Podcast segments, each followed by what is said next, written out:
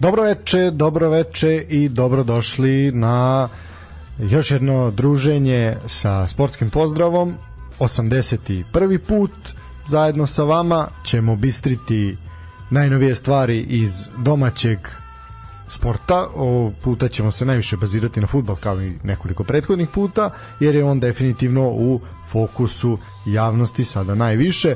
Uh, nije bio plan da se počne ovako, ali svakako situacija je bila vanredna i zato ćemo emisiju otvoriti uh, informacijom sa stadiona na kraju utržnog centra Voždovac gde je danas u toku popodneva negde oko 15 časova stigla dojava o, da je postavljena bomba i brzom reakcijom pripadnika ministarstva unutrašnjih poslova, nadležnih organizacija, a, ceo taj kompleks tržnog centra je evakuisan, svi oni koji su bili prisutni što na stadionu, što u tržnom centru su sklonjeni na bezbednu udaljenost, a dovelo se u pitanje odigravanje utakmice, tačnije poslednje utakmice u ovom kolu između Voždovca i Partizana. Sama ta neka neizvesnost trajala je nekih recimo sat, sat i nešto, ovaj dok jel, čelni ljudi ministarstva unutrašnjih poslova nisu rekli da je situacija bezbedna, da ljudi mogu da se vrate kupovini u tržnom centru, a da navijači i futbaleri kao i svi zainteresovani za večerašnji po meni ultra zanimljivi duel na krovu tržnog centra mogu da se upute ka istom.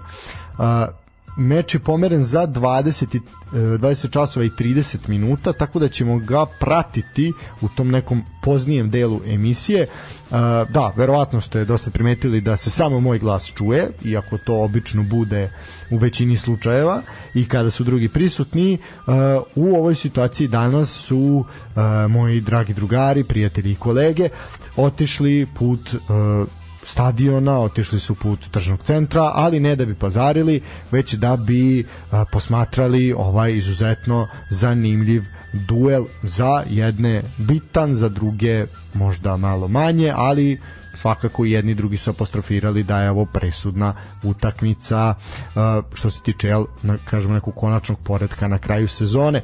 Marko i Stefan su tamo, a Toza i Tanja su nestali kao kočije Pepeljugine posle ponoći, tako da o njima nećemo puno puno diskutovati. Sve u svemu večeras uživate uz moj baršunasti glasić, a svakako momci će nam se javiti, oni su bili uh, u Sokolu dok je ovaj kad se sva ta drama dešavala i eto surovi profesionalizam u njima je proradio, eto desi se i to ponekad i oni su nastavili svoj put ka uh, Voždovcu, nisu nisu poklekli i nisu se uplašili i nisu se vratili nazad. Uh, vidite, svedoci smo svi da eto se to dešava ovih dana, pogotovo od kako traje ovaj rat, agresija, ili nazovite to kako god to ćete, ja bih to nazvao sranje u Ukrajini, i da po Beogradu masovno se prijavljuju bombe, pritom na isti način, uvek preko mail adrese, preko mail maila, mail adrese koja ne može da se prati, tako makar naši zvaničnici kažu, a ima vas puno IT-evaca koji vratno slušate, pa ćete mi reći da li je to stvarno moguće ili nemoguće, ali ajde, verovat ćemo gradskim i državnim ocima da je tako kao što kažu. No, dok se to sve dešava trenutno jel se ljudi okupljaju polako i sve to sve to će ovaj to borilište će poprimiti obrise derbija kola što ja mislim da definitivno i jeste. A mi ćemo se time baviti nešto malo docnije a sada ćemo započeti sa pa da kažemo nekim uh, nekim vestima, ono šta se dešavalo tokom nedelje i onda ćemo ući u pregled Superlige i Prve lige. Manje više je tu sve rešeno, ali svakako ima šta da se prokomentariše. Uh, počet ćemo sa kupom. Kup je odigran. Uh, prva utakmica se igrala po mogu reći neverovatno toplom vremenu za ovo doba godine, iako ja nisam neko ko radi u vremensku prognozu, ali definitivno dalo se zaprimetiti da je bilo nesnosno vruće i taj termin od 16.30 onako je bio poprilično mučan za sve one koji su se okupili na stadionu Partizana, bio je besplatan ulaz i bilo je negde oko 3800 gledalaca. O tome nešto kasnije. Što se tiče same utakmice, pored toga što je odigrana po izuzetno vrućem ovaj, sparnom vremenu, e, bilo igračima teško, to se videlo, jednostavno nije normalno da 12. maja imate temperaturu od 35 stepeni i to jednostavno nije normalno i niko, nikome nije, pa kao što nije ni mladima ni starima, pa tako ni sportistima, jednostavno nije lako. Što se tiče, ali naravno nije uvek lako, ali uvek lepo, što bi rekao pokojni Čika Duško, uh, oni su tu da igraju, mi smo tu da gledamo, mi da komentarišemo, vi zajedno sa nama. A, možete pomoći meni danas u kreiranju ove emisije i naravno poslati neko vaše mišljenje, dosetku ili komentar na 06071452266. Uh, što se tiče same utakmice, uh, identičnim rezultatom pa i samo kretanje rezultata je kao ono što se desilo nekoliko dana pre ovog kup susreta. Uh, Partizan je pobedio Vojvodinu sa 2-1, plasirao se u finale kupa, a ono što je svakako negde Glavni utisak tog prvog polu vremena je da je moglo mnogo više lopti od te dve koje su završile u mreži iza leđa golmana Rockova. Moglo je sigurno biti jedno 5-0 u prvom polu vremenu jer Rockov je skinuo jedno 3-4 fantastične šanse, jedan na jedan, najviše Lazaru Marković, on je bio, ja mislim, čak u tri. I Vibra su natku koji ajde nije mu odbranio, čovjek je promašio, promašio, šutirao je pored stative, ali definitivno je Partizan se mnogo puta se našao ispred, ispred protivničkog golmana i to ono videlo se nervoza jel, kod trenera Stanovića jer kako ne bi bio nervozan takve kazne takve stvari se kažnjavaju i takve stvari su nedopustive kad, kad igrate protiv nekih malo ozbiljnijih protivnika koji imaju neku ambiciju. Vojvodina ta je možda i pokazala neku ambiciju u drugom poluvremenu, ali jednostavno Vojvodina onako se nalazi negde duboko na dnu mora i mislim da i oni traže izlaz ka površini, a da li će ga naći to ćemo saznati verovatno početkom sledeće sezone kup je za njih ove godine završen. Što se tiče same igre i kretanja dešanja na terenu, jedan sjajan prodor Lazara Markovića po boku, vraća u sredinu za Ricarda, ovaj u četvrtom minutu postiže pogodak, ponovo Vojvodina u prvih pet minuta prima pogodak. Uh, to se nešto kasnije desilo, jel nekoliko dana kasnije na Karadžođu protiv Čukaričkog, no o tom ćemo, o tom potom tome ćemo nešto kasnije. E, nizale su se šanse, kao što sam rekao, ispred gola Emila Rockova, koji eto konačno je se razbranio onako dosta je na meti kritika navijača Vojvodine, jer zaista je u katastrofalnoj formi od kad se vratio, e, ali eto, sad je, sad je malo ovaj se popravio i zaista je spasao svoju ekipu onako jednog debakla i katastrofe možda slične onoj koja se desila na Novom pazaru nešto kasnije na Rajku Mitiću 2-0 Menig, fantastičan udarac u 43. minutu, čovek pogodio nešto što dva golmana ne bi odbranili van kaznenog uh, van kaznenog prostora udarac, zaista sjajan, sjajan volej i lep, lep pogodak onako za TV špice što bi rekli.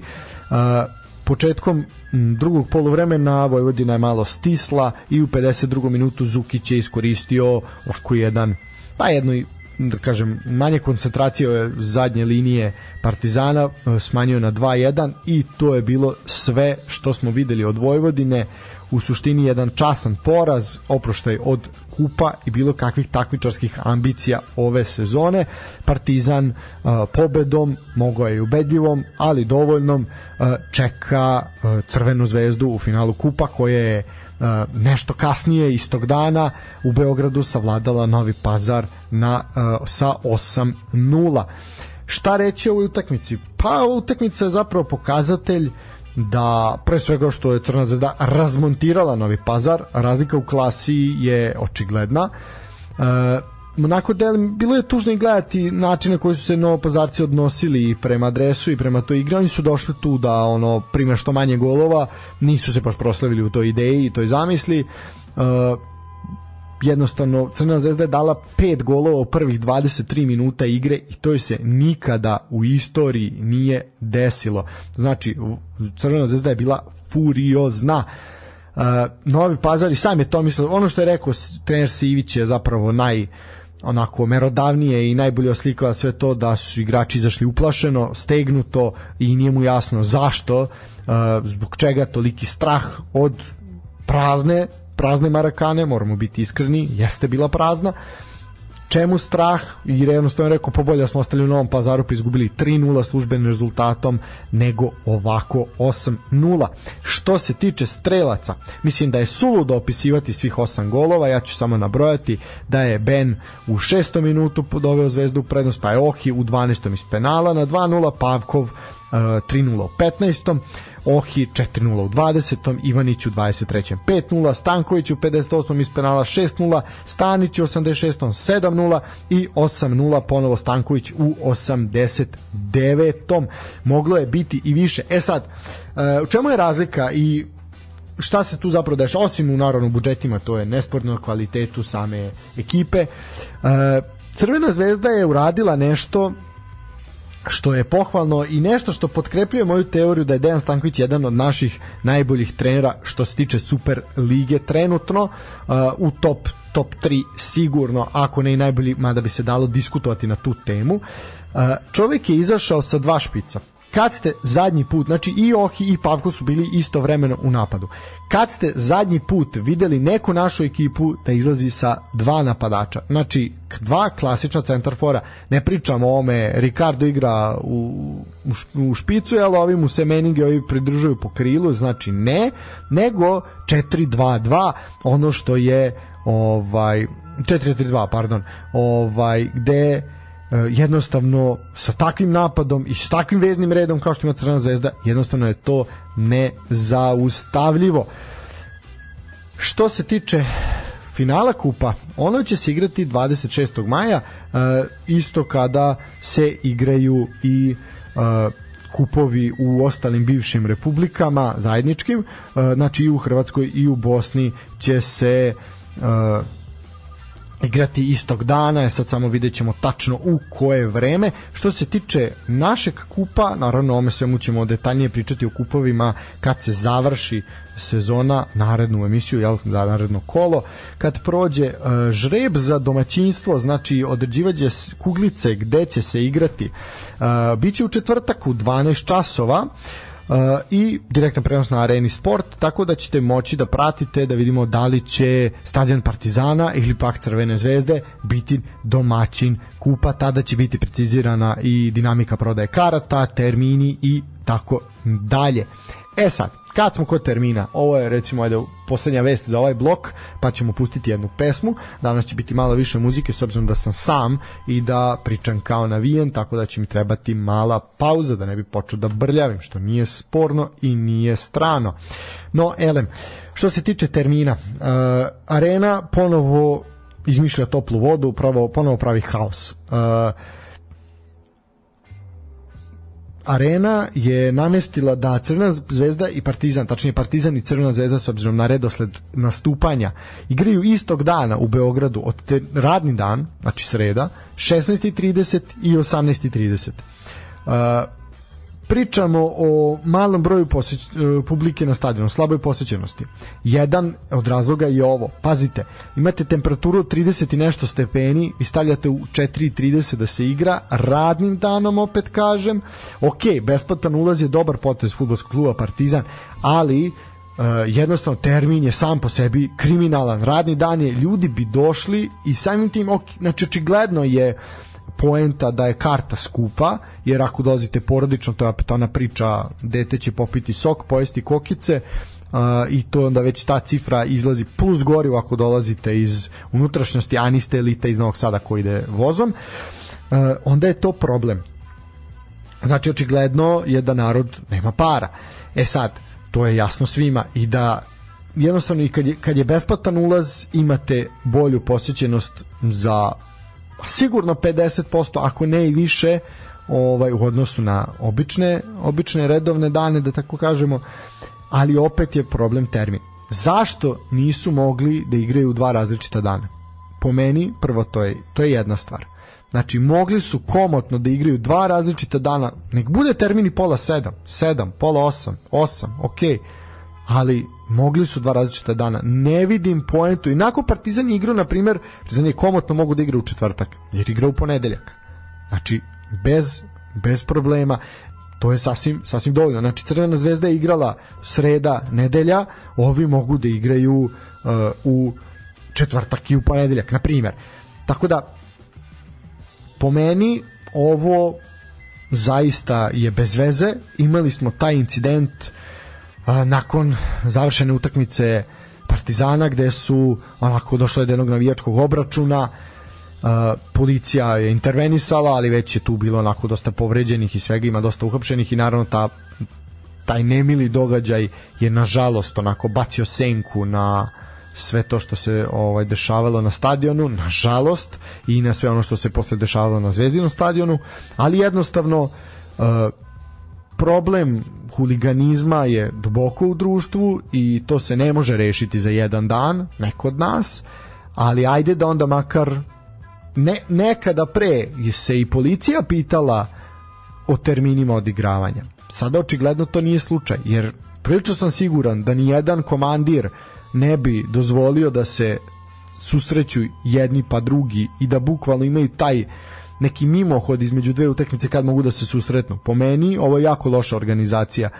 Uh, ok, ne može se, a Karena je najveći krivac. Znači, ja se slažem da će se tu vas dosta reći ono, čemu pričaš, ali da, ne možete ovo staviti. Znači, ako imate dve navijačke grupe koje imaju tendenciju sukoba, a ovi imaju, nažalost, ali tako je, to je naša realnost. Znači, možemo mi pričati bajke i osuđivati i sve to, ali dok se ozbiljno to ne, reš, ne reši na jednom ozbiljnom nivou, kako to mora država da uradi, ovaj, i ne samo država kao, kao represivni aparat, nego i to počinje mnogo, mnogo ranije, taj problem, jednostavno mislim da je Arena jako loše odreagovala i da je tu sama organizacija bila kretenska.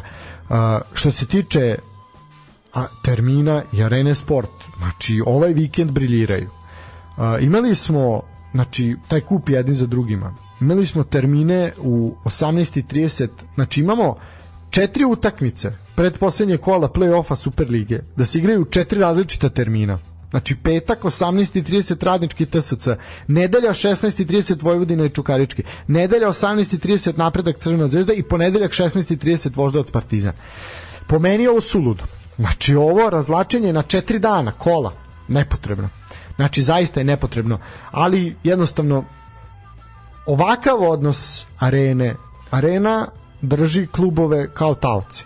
Klubove, za, klubovi zavise od tih novaca koji će dobiti od TV prava jer je to jedan solidan deo budžeta za veliku većinu klubova u našoj ligi, u našem futbalu. Znači šta je problem?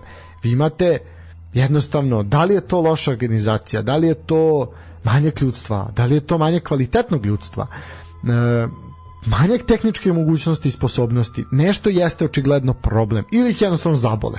Ali meni deluje da ne, da se tu oni trude, ali da je ovo njihov maksimum, da ovako mogu i svima je oči, jasno i očigledno da ovo nije dobro napravljeno i moje glavna zabrinutost i pitanje koje postavljam više puta već, a to je šta će biti kad budemo imali i premier ligu na programima Arena Sporta. Znači, zaboravlja se da nas čeka premier liga koja ima termine kakve ima i broj utakmica koji je veliki. Kako će se to preneti? Ok, prenositi. Imate veliki broj kanala, ali šta vredi kada se prenosi šest utakmica La Lige istovremeno, koje sam ja siguran ne zanimaju nikoga, ok, Real, Barca, Atletico, Atletic, Bilbao, Pavilja, Real, ok, to mogu da razumem, ili neki derbi kad igra Betis, kad ovo, kad ono.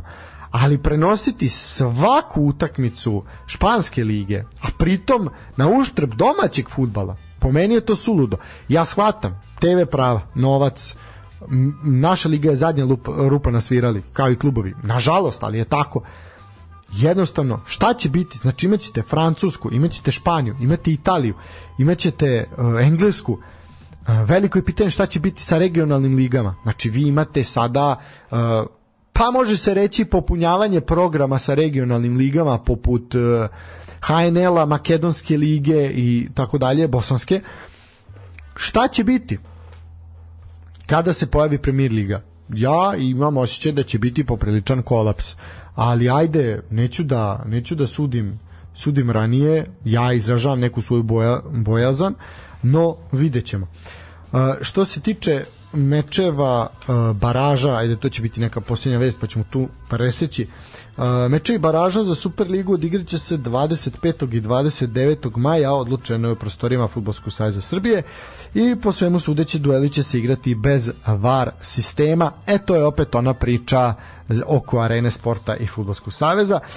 Sećamo se svi da su učesnici play-outa Superligi kao i play-offa prve lige zahtevali da se VAR koristi ali je to ispostavlja se da FSS to neće uraditi i ispuniti tu želju. U prvim susretima, kao što smo već rekli, će domaćini biti prvoligaši, a revaši će se igrati na stadionima super ligaša. E, dobro, e, ajde nekih 20 minuta smo razbili, možemo pustiti neku pesmu, pa ćemo se vratiti u program.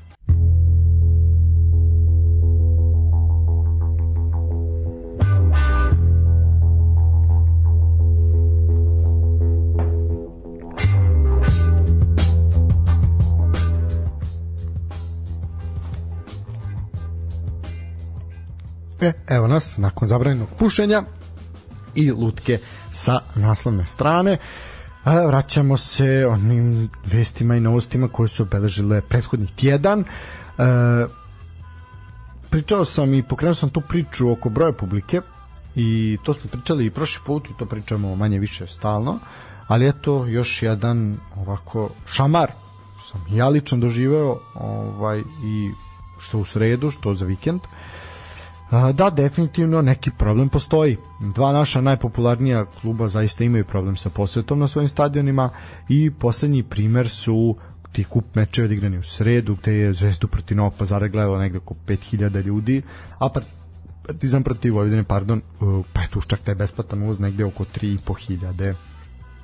Zaista dva kluba sa armijama svojih simpatizera koji ostavljaju stotine hiljada komentara na društvenim mrežama u gradu od pa bezmalo 2 miliona ljudi ne mogu da privugu zbirno ni 10.000 ljudi na stadion. Uh, I to nije pitanje samo ove dve utakmice. To je u suštini cele ove sezone, ne računajući međusobne okršaje. Uh, jednostavno stadioni u Ljutice Bogdana i Humskoj izgledaju sablasno prazni. Uh, ako izuzmemo evropske okršaje, da je zaista bilo drugačije, mada čak u partizanom slučaju nije ni tokom cele te evropske kampanje bilo tako, uh, najviše odziva je bilo kad je bila besplatna karta i za jedne i za druge, znači kad nije bilo naplaćeno i najviše odziva je bilo kad su se prodavale uh, jel, dve karte po ceni jedne ili tri po ceni jedne i tako dalje, tri po ceni dve, sve to što je bilo, tada je Zvezda ono početkom sezone beležila one velike uh, ovaj posjećenosti, jel? ali jednostavno tu je bila i ta euforija kupite kartu za ovo, dobit ćete za ovo i tako dalje i tako dalje, pa to članstvo i tako tu jednostavno onako bujao je taj marketing i sva ta neka priča, jednostavno privlači se ljudi na stadion.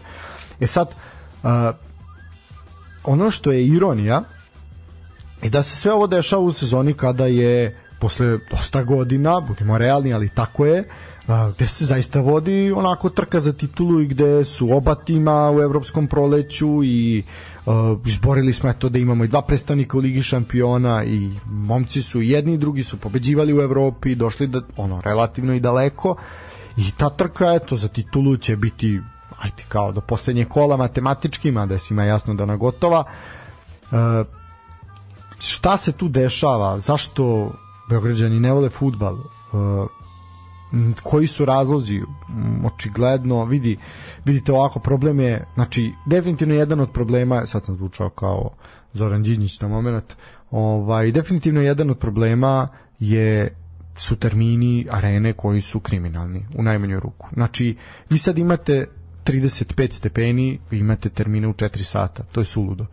Liga počinje ljudi početkom jula znači već u krajem prve nedelje jula liga počinje. Šta će biti u julu na 40 stepeni u 4 sata? Ste normalni. Znači nemojte to raditi. Pritom svi naši klubovi imaju obavezu da imaju reflektore. Znači čemu reflektori, čemu onda sve, čemu ta obaveza ako ako se to ne koristi. Ajde, da, još najsuludi primere. Ja sam u nedelju posetio Karadžađe posle to, doista dugo, ne pamti kad sam put bio. Bio sam ove sezone, ali ne mogu setiti. Mislim da je proti Kolubara, nešto zimu bilo zadnji put.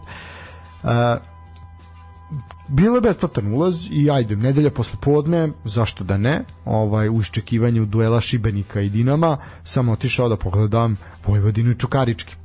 I uputio sam se na stadion, parkirao kod tržnog centra promenada i uputio se ka zapadnoj tribini, što je negde i logično, za mene kao nekog neutralnog posmatrača, ovaj, ma dajde kao malo više simpatične Vojvodine od ova dva kluba i ja sam došao jedno 40 minuta ranije na blagajnu, da bi čika koji radi na blagajni rekao, ali ja više nemam karata, ja sam sve podelio. Hm, ja sam rekao, pa super, kao, bit će pun stadion, kao čoč podelio je celu tribinu i kaže imaš karata na istok kao što svi znamo i oni koji ne znaju, istok, istočna tribina je ona manja tribina na koju gleda kamera kad radi prenosa Karadžođa, to je ona mala tribina bez krova, jel, koja, na koju kamera puca, gde imate one oznake A, B i O koje označavaju krvnu grupu. E sad, to smo pričali zašto je to tako. Uh, ja sam se uputio ka istočnoj tribini i nekih posljednjih, kaže, 15 karata, ja sam našao tu jednu svoju kartu i uputio sam se ka stadionu, jel, ušao sam unutra, sve redari su bili jako ljubazni, sve onako na nivou i seo sam na svoje mesto koje sam izabrao, da mi najviše odgovara i ono četiri, pola pet ovaj početak utakmice, sunce prži, znači nenormalno 35 stepeni je i onako ljudi su se poskidali ko je egzibicionista je skino majicu, ali ja nisam jedan od tih. Ja sam samo zavrnuo malo rukave da eto mi se malo i ramena osunčaju, ova, ova koje boli od reumatizma, šalim se, al tako je. Znači da nema onu radničku boju, ovaj nego da bude makar sliveno, koliko toliko. I šta se dešava? Pola pet, 35 stepeni. Znači, pazite, maj je mesec, ali se znalo da će temperature biti takve. Zašto se nije igralo makar u pola sedam, u sedam, pola osam, znači temperature su prijatnije. Pritom se onda u drugom polu vremenu, znači negde oko 6 sati, 18 časova, pale reflektori. Pritom, sunca ne može da se gleda ni da se živi u tom momentu, vi palite reflektore. Ja bih voleo da mi na A4 formatu papira neko objasni čemu. To je jedna stvar koja je nelogična. Druga stvar koja je nelogična. Stadion je bio prazan. Znači, bezmalo prazan. Kako onda kažete da je bilo uh, toliko publike, tačnije da su podeljene tolike silne karte, a da je bilo svega par stotina ljudi. Znači, Karadžođe i tekako ovaj, ima, ima ovaj kapacitet ali imate, da piše hiljadu ljudima da je to laž, nije bilo hiljadu ljudi, nije bilo ni 500. Znači, zapad je bio prazan. Kako ste podelili ceo kontingent tribine i koliko je to zapravo pušteno karata uopšte u štampu, ako je besplatan lozi pozivate navijače Vojvodine da dođu da gledaju, a ovamo podelite 50 karata. Pa po meni je to meni je to suludo. Ja ja ne znam, možda ja grešim, ali ne vidim, ne vidim čemu to. Pritom onda nećete da pustite ljude na zapad koji je natkriven, nego ih puštate vamo da gore ovaj bez mogućnosti osveženja ili bilo čega kao što to postoji na zapadnoj tribini. Tako da tu ste gde ste jer zasluženo je. Jednostavno vidi se da je klub u Rasulu na svim nivoima, ne samo igrački, ne samo u sportskom sektoru, nego i organizaciono i jednostavno to, to nije dobro. E, pričanje o futbalu na toj utakmici ćemo svakako stiti za kasnije jer i tu ima što šta da se prokomentariše da sad mi nešto ne pljujemo naše ni ovo ništa bolje ni u komšiluku Hrvatska, Bosna je jezivo prazni su stadioni. Ali opet to mogu da razumem jer zaista kvalitet futbola mnogo niži nego kod nas. Ali u Hrvatskoj ne mogu da razumem. Isto imate timove koji se bore za titulu. Ako izuzmemo Hajduk, sve ostalo je vrlo, vrlo slaba posjećenost. Iako izuzmemo Dinamo, koji zadnje dve utakmice ima solidno popunjen Maksimir. Uh, imali smo, pratio sam uh, duel derbi slovenačke ligi između Olimpije i Mure i dobio sam slike od naših prijatelja tamo koji su bili na stadionu veliki pozdrav za njih ovom prilikom i neverovatno da takva utakmica koja je derbi pritom za fantastična utakmica završena 3-3 znači zaista je trebalo pogledati ja sam duše gledao sažetak. Uh, vi ste imali sramotnu positu na takvom stadionu. Ajde kao kod nas je izgovor stadion. Tamo je termin je bio još prihvatljiviji. I vi opet imate malo ljudi. Znači šta je tu problem? I onda imate u istom periodu, sad ajde ono, da bude izuzetak koji potvrđuje pravilo, od 18.30 utakmicu u Kruševcu, gde imate 7000 ljudi na stadionu, što je ono ubedljivo najveća posjećenost ovog kola. Znači, da li ljudi u Beogradu jednostavno ne zanima futbal kao takav, jer to je očigledno, a da su manje sredine željne i žude za tim, da kažem, velikim utakmicama to je po meni neko jedino objašnjenje plus ovi termini plus cene karata i tako dalje i tako dalje. Problema je mnogo to što se ne radi na popularizaciji to što se bukvalno skida sa one stvari organizacija utakmica. Uh, što se tiče još jedne vesti, a to je kazna za Nikolu Ninkovića, čovjek je kažen sa četiri utakmice zabrane igranja zbog crnog kartona u Kragujevcu i to znači da će Proletar bez njega igrati do kraja sezone, računajući i eventualni baraž ako se tamo pronađu, tako da je Džigi Ninković svoju sezonu, a ja verujem i karijeru u Proleteru završio. Uh, što se tiče, eto, to je nešto što se tiče domaćeg ovog futbala, uh, možemo prokomentarisati, održana je komemoracija povodom smrti Ivica Osima, to se dešavalo u subotu, subotu je bila i sahrana, i eto, cele ove nedelje i ovih dana kako je Ivica napustio ovaj, ovaj svet, imali smo oproštaje i prisjećanja na njegove reči i dela i ta komemoracija bila upriličena u Narodnom pozorištu u Sarajevu. I, i moram onako istaknuti da je jako lepo to organizovano i videti sve te ljude na njegu na jednom mestu a, i svi ljudi koji su potegnuli sa svih krajeva ovaj te naše nekadašnje zajedničke države, ali i ne samo odatle nego iz Austrije pa i Japana dalekog pokazuje ko je i šta je bio Ivica Osim uh, upravo pre nekih desetak minuta, tačno u 19.21 je počela, jel, koja godina osnivanja futbolskog kluba Železničar, počela je utakmica na Grbavici između Železničara i Radnika iz Bijeljine gde će se navijači izvanično oprostiti na svom terenu na njihovoj Grbavici od uh, Ivice Osima. Uh, klub je izbacio jednu onako lepu stvar, a to je retro dres sa brojem i prezimenom Ivice Osima i mislim da je to jako lepo i ko ima priliku treba da kupi, ako nekog ima da nas sluša u Bosni, kupite nam, pošaljite nam, plaćamo. Jako lepo izgleda i to je nešto što zaista treba imati. Elem, što se tiče komemoracije, predstavnika Futbolskog saveza Srbije bili su Dragan Stojković Piksi i Nenad Bijeković. Uh, Nenad Bijeković kao nekadašnji saigrač, ovaj što malo u reprezentaciji, naravno i protivnik, jel, kao fudbaler Partizana, Ivica Željezničara, a Pixi kao uh, nekadašnji igrač pod selektorskom palicom uh, Ivice Osima na tom mundijalu uh, 90. ali od 86. kad je čovjek preuzeo reprezentaciju. Uh, Pixi je i, i Pixi i Bjeković su održali zaista lepe govore i bilo je to jako puno onako emotivno i onako pod nabojem. I Pixi je rekao jednu stvar koja je meni onako posebno ostala ušima, a to je da će Beograd dobiti ulicu sa koji će nositi ime Ivice Osima.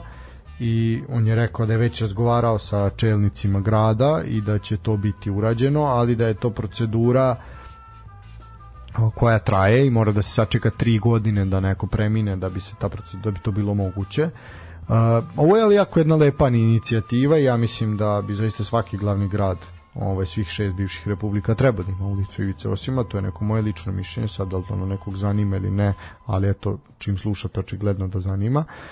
Uh, definitivno jeste lepo, ali ja se nadam da će gradske vlasti u Beogradu zaista ispuniti to obećanje, jer onako bilo bi zaista ružno da se tako nešto ne ispuni, ali ne i neočekivano, jer to je nek, donekli u našem stilu, pored Piksija i Bjekovića bili su tu i Zlatko Dalić, bio je Zvonimir Boban kao predstavnik uh, UEFA, ali svakako i kao bivši, bivši igrač, a eto baš je ta neka ironija da je uh, Ivica Osim sahranjen dan nakon onog jel, jubileja onog skandala na Maksimiru kad je upravo Boban udario policajca. I to je donekle ta neka simbolika koja pokazuje da eto je možda umro i negde među poslednjim tim borcima za tu neku palu stvar koja je bila neodrživa možda, ali nije se održala definitivno. bili su tu i Faruk Hadžibegić koji je bio onako u suzama i Mehmed Baždarević, Srećko Katanec, bio je tehnički direktor reprezentacije Japana, zatim zaista zaista zaista mnogi i mnogi su pa neki su suzdržavali se da ne, se ne rasplaču, neki nisu uspeli, ali bilo je tu i političara naravno, bilo je bio je Dino Merlin, bilo je svako ko nešto je značio u Sarajevu u tom periodu, uh, čuvenih igrača želje, svi oni su našli svoje mesto tu i jednostavno tako i treba i priličena je zaista na lepa čast i to je sve lepo, lepo, zaista lepo izgledalo.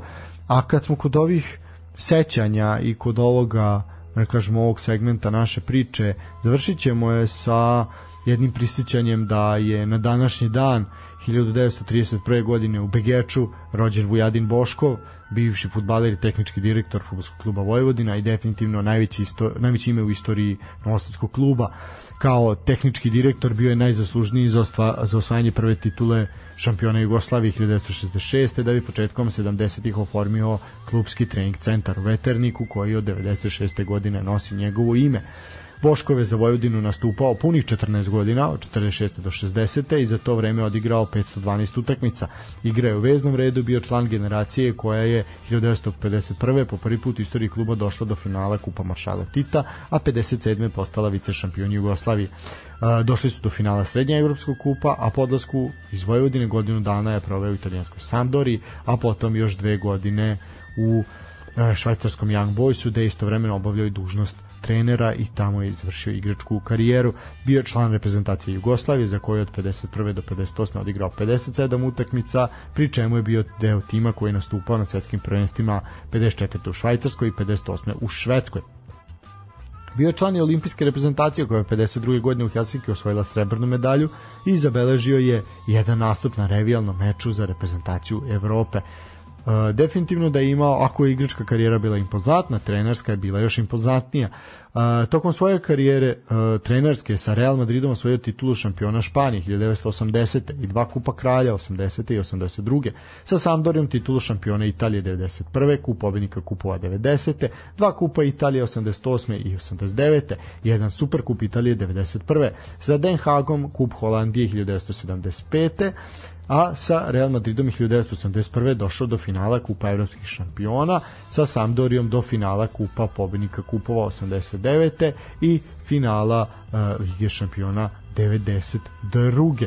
Tokom svoje trenerske karijere uh, trenirao je još i Feyenoord, Saragosu, Hihon, Ascoli, uveo ga u seriju A 1986. godine, Romu, ostaće upamćen kao trener koji je prvi, u prvi tim uvrstio legendarnog Francesca Totija i to na nagovor još jednog bivšeg igrača Vojvodine, Siniše Mihajlovića. Uh, trenirao je Napoli, Serveti Peruđu, uh, a od 70. do 73. i od 99. do 2000. bio je selektor Jugoslavije.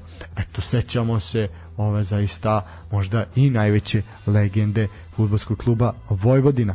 Mi idemo na kratku muzičku pauzu, pa ćemo se baviti pregledom lige. A evo jedna pesma koja opisuje trenutnu situaciju ovih dana u gradu Novom Sadu, a verujem i širom Srbije. Uživajte.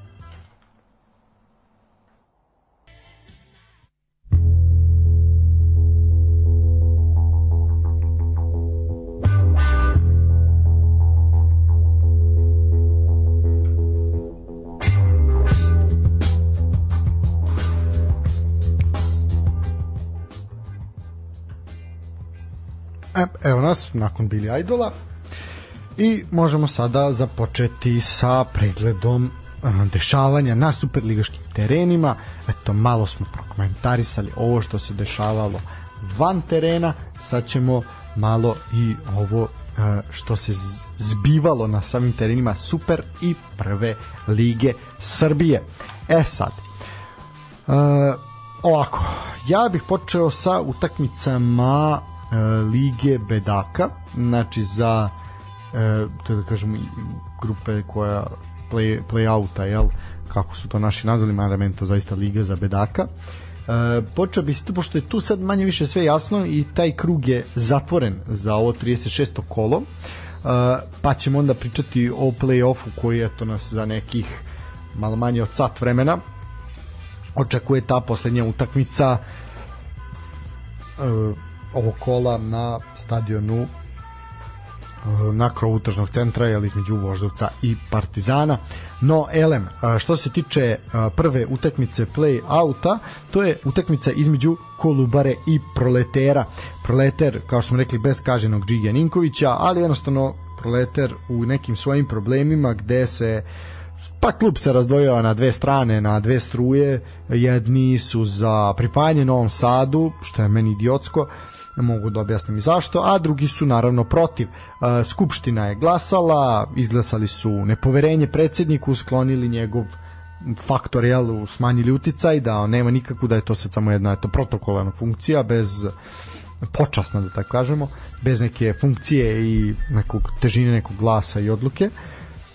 I to je, to je recimo prvi problem. Drugi problem je što se odjedan put pokazuje da proletar nema para i da proletar neće opstati ukoliko se ne, ne, ne pravi ta fuzija sa Novim Sadom.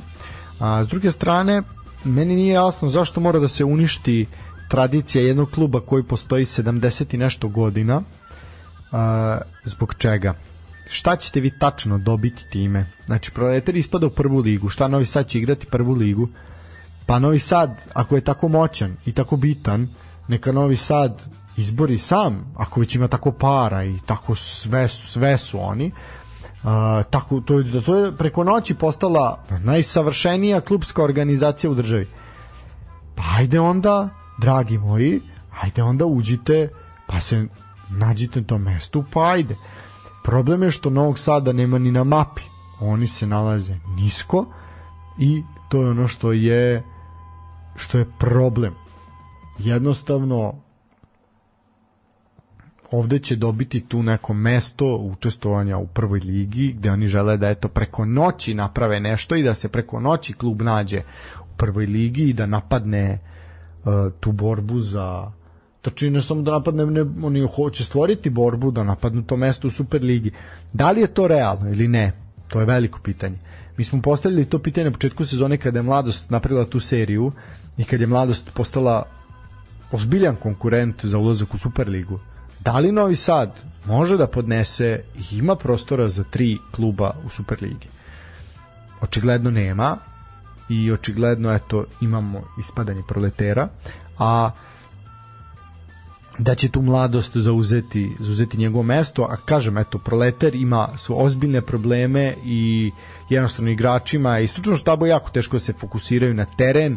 Imali smo taj skandal u Kragujevcu gde su ih ljudi tukli, gađali kamenjem i svašta je bilo.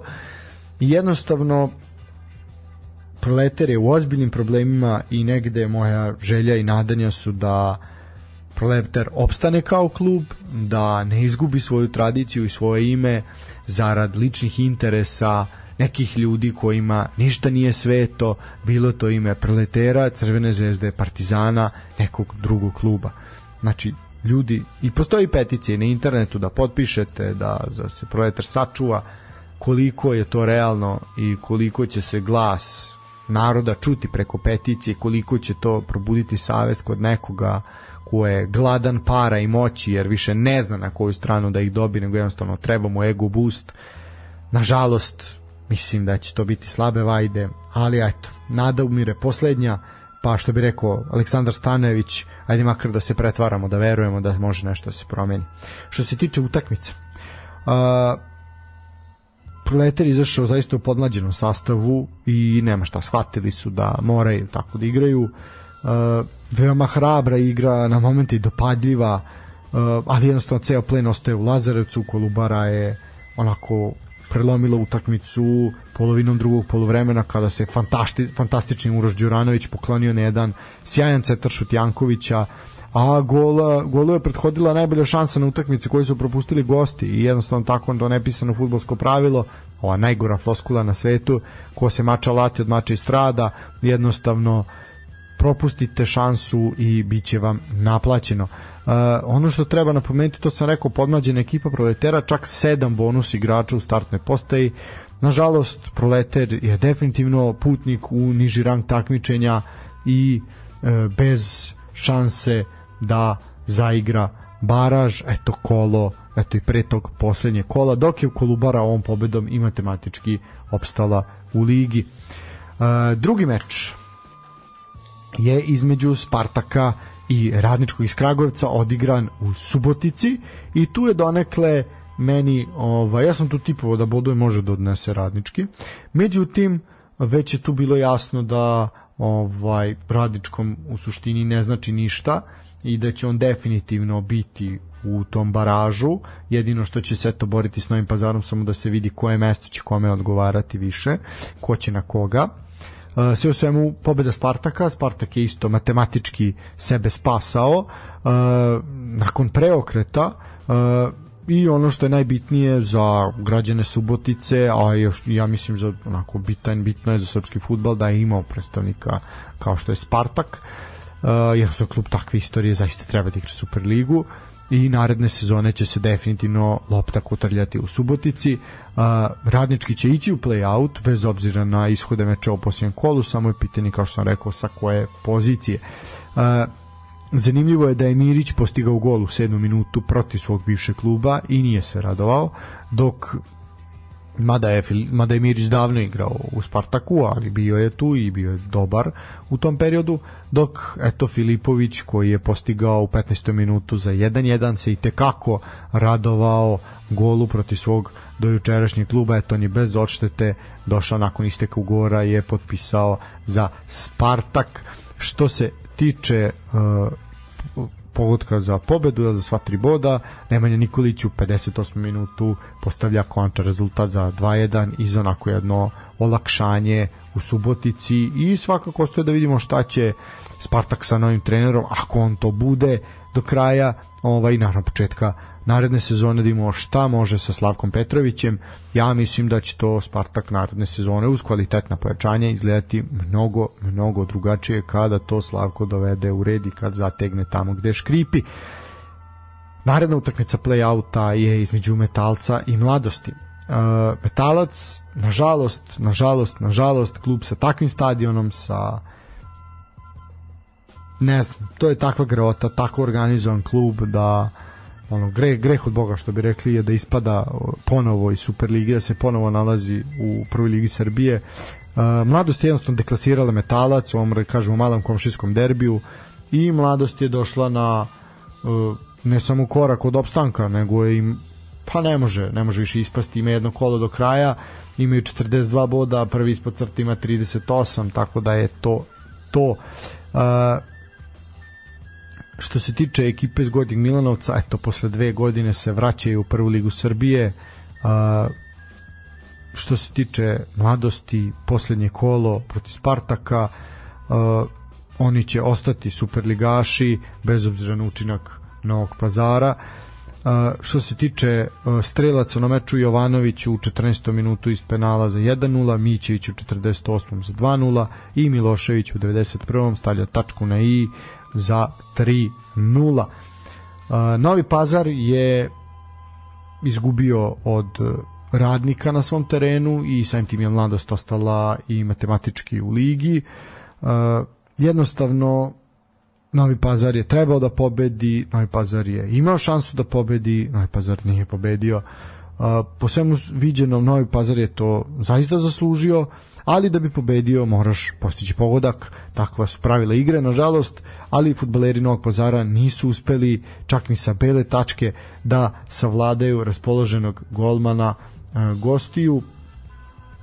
Jednostavno nije se dalo, e, Čečarić je u 22. minutu poništio, e, tačnije je promašio penal, e, tako da je utakmicu prelomio taj i odlučio taj moment u 15. minutu kada je zaista to onako jedan trenutak inspiracije Uroša Milovanovića koji je ovu sezonu odigrao zaista fantastično i samim tim opravdao te pozive mlade reprezentacije koje dobija.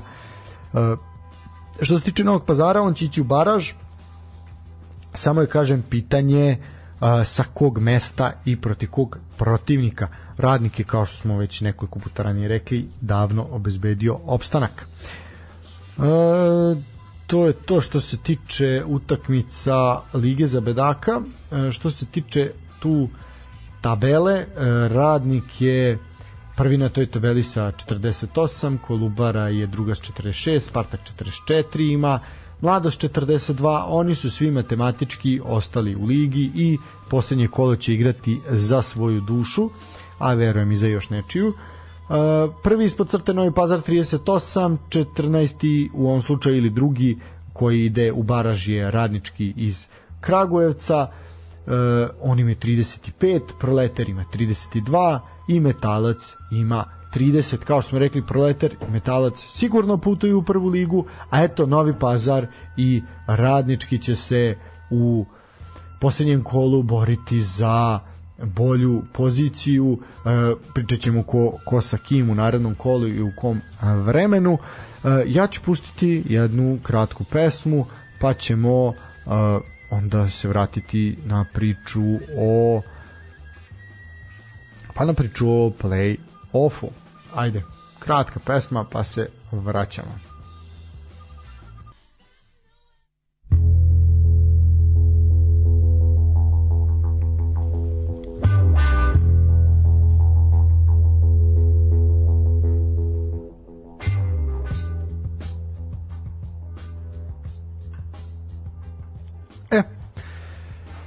Nakon muzike iz filma Dobro jutro Vijetname. Uh, se vraćamo Superligi i Ligi za prvaka, odnosno play-offu. Uh, što se tiče tu, situacija je bila manje više jasna, uh, večiti, ajte, tu održavaju neku kao trku za titulu, mada je jasno ko je apsolutni favorit i imali smo tu borbu za Evropu između pa može se reći četiri kluba, ali ajde, jedan je bio siguran, ovaj tačnije sad je definitivno siguran, to je Čukarički, a ova tri se će se boriti i neki danas, a neki i u narednom kolu. E, počelo je u petak e, duelom između Radničkog i u Nišu i TSC. E, ovo je bio direktan okršaj za e, to mesto i za, da kažem, pol poziciju pred poslednje kolo i borbu, konačne borbe za Evropu. Uh, radnički je savladao TSC moram priznati da to bilo meni iznenađenje. Ja sam očekio mnogo više od TSC uh, ovo ne umanjuje šanse TSC to ćete videti. Mislim umanjuje, ali nije sve izgubljeno.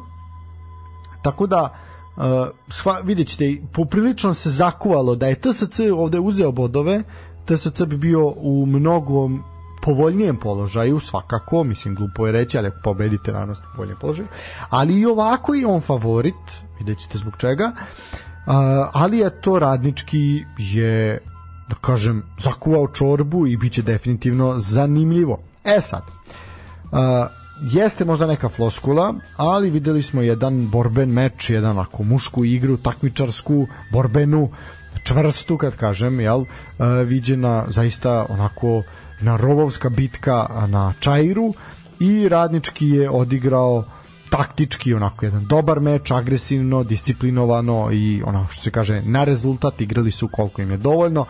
Bilo je još jedno dobro defanzivno izdanje Nišlija koji su onako uh, krunisali tu priču da su u play-offu kapitulirali samo jednom od šest odigranih mečeva.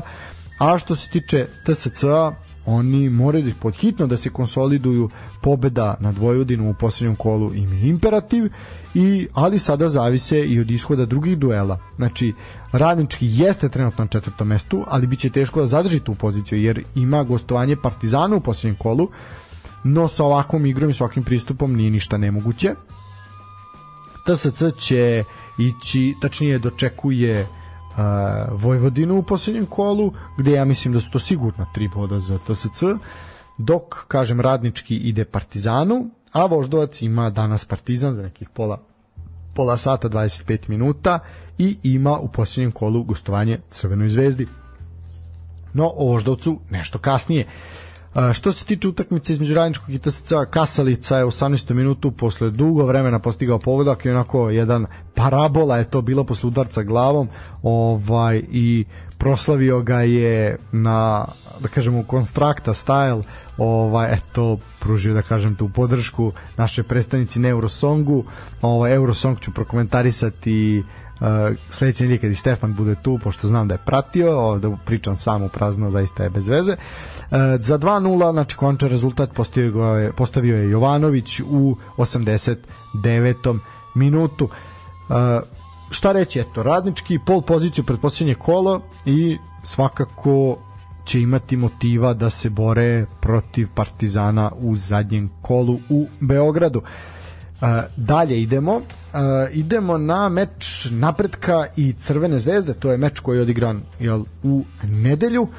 Crvena zvezda je savladala napredak i došla na posljednji korak od pete uzastopne titule. Jedini, postiga, jedini meč na jedini bože gola meču postigao je Ohi posle zaista velike guže u kaznenom prostoru domaćina, mislim na asistenciju Ivanića. Uh, napredak je bio dobar, defanzivno su dobro stajali, uh, jednostavno falila je ta neka konkretnija i hrabrija igra u napadu, ali to je nešto što im fali cele sezone. Kao što sam rekao, nekih 7000 ljudi je bilo na stadionu u Kruševcu. E, sam futbal nije bio pretrano kvalitetan, ali mislim da to nikoga nije briga.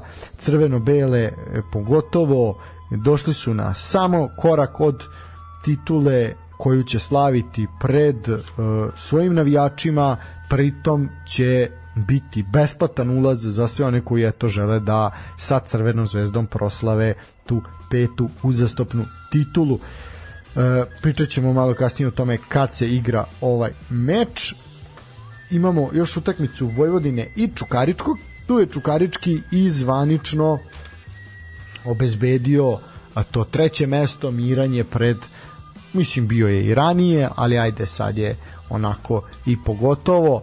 Uh, u suštini u duelu bez nekog velikog rezultatskog značaja za Vojvodinu Čukarički je potvrdio to treće mesto Čukarički je ubedljivo savladao Vojvodinu sa pola gasa, znači prvo je Roganović u 13. minutu, znači opet rani pogodak Vojvodine nakon njene konfuzije u odbrani, zatim je Savić u 79. povećao na 2-0 i Marko Docić upisuje prvi pogodak ove sezone u 88. minutu sa 11 terca. Opisao sam samu utakmicu i tu vrućinu i tu glupavu organizaciju i sve to što je pratilo. Uh, Vojvodina je zaista očajna. Vojvodina je tim koja da je ušla u play-out, ja ne znam kako bi opstala u ligi, to bi bila grčevita borba. Verovatno bi se više trudili jer ovo zaista ne liči ni na šta. Toliko bez volje, bez želje, što je najcrnije odsustvo i kvaliteta. I onda uđe dečko sa brojem 33, Abramušić mislim da je prezime, uh, to je još jedan novi izdanak Vojvodin škole i čovek grize i bori se. Znači, tu je poenta. Stavite nekoga ko će želeti i stavite nekoga kome će to značiti. Pogotovo sada kada te utakmice nemaju rezultatski značaj. Zašto niste izašli sa rezervistima, sa ljudima koji treba da se dokažu? Jer ovo nema smisla to je mučenje i za njih, a i za one, za nas koji smo došli to da gledamo. To ova priča ne važi samo za Vojvodinu, važi za napredak i tako dalje i tako dalje, za sve one koji su obezbedili i u mirnoj luci su. Čukarički da je hteo, mogao je da pregazi Vojvodinu sa 6-0. Znači kao i svi ovi prethodni koje smo sve ove prethodne utakmice Vojvodine koje smo spominjali. E, Čukaričko međutim igrao opušteno, lagano, konkretni su bili i ako s pola gasa su došli do 3-0. Tako da, problemi u Novom Sadu su veliki, Dragan Radojičić neće ostati trener, e, spominje se ta priča da je Milan Rastavac jako blizu Vojvodine i da je to manje više dogovoreno. Da li će on doneti nešto više, vidjet ćemo, iskreno sumnjam, problem u Vojvodini je organizacionog karaktera i prvo mora da se posloži uprava, da se stvore prioriteti, znači šta je plan, dalje plan napad na Evropu ili je plan razvitak mladih igrača. Sećamo se da je priča za ovu sezonu bilo razvitak mladih igrača. Kog mladog igrača ste razvili? Ja nisam vidio ni jednog. To Kabića ćete prodati, prodaćete zato što je dečko talena, dečko nije igrao. ulazio je sa klupe. Tako da mislim da nisu uspeli ni u jednom ni u drugom, ali ajde, valjda oni znaju šta je njihov cilj bio i postoji vjerojatno neko, neki te, neko telo i neki organ koji će o svemu tome odlučivati. Mi kao, kažem, objektivna nosačka publika smo tužni jer to ne liči ni na šta. E, to je što se tiče uh, Vojvodine, Čukaričkog i ovih utakmica koje su odigrane što se tiče play-offa.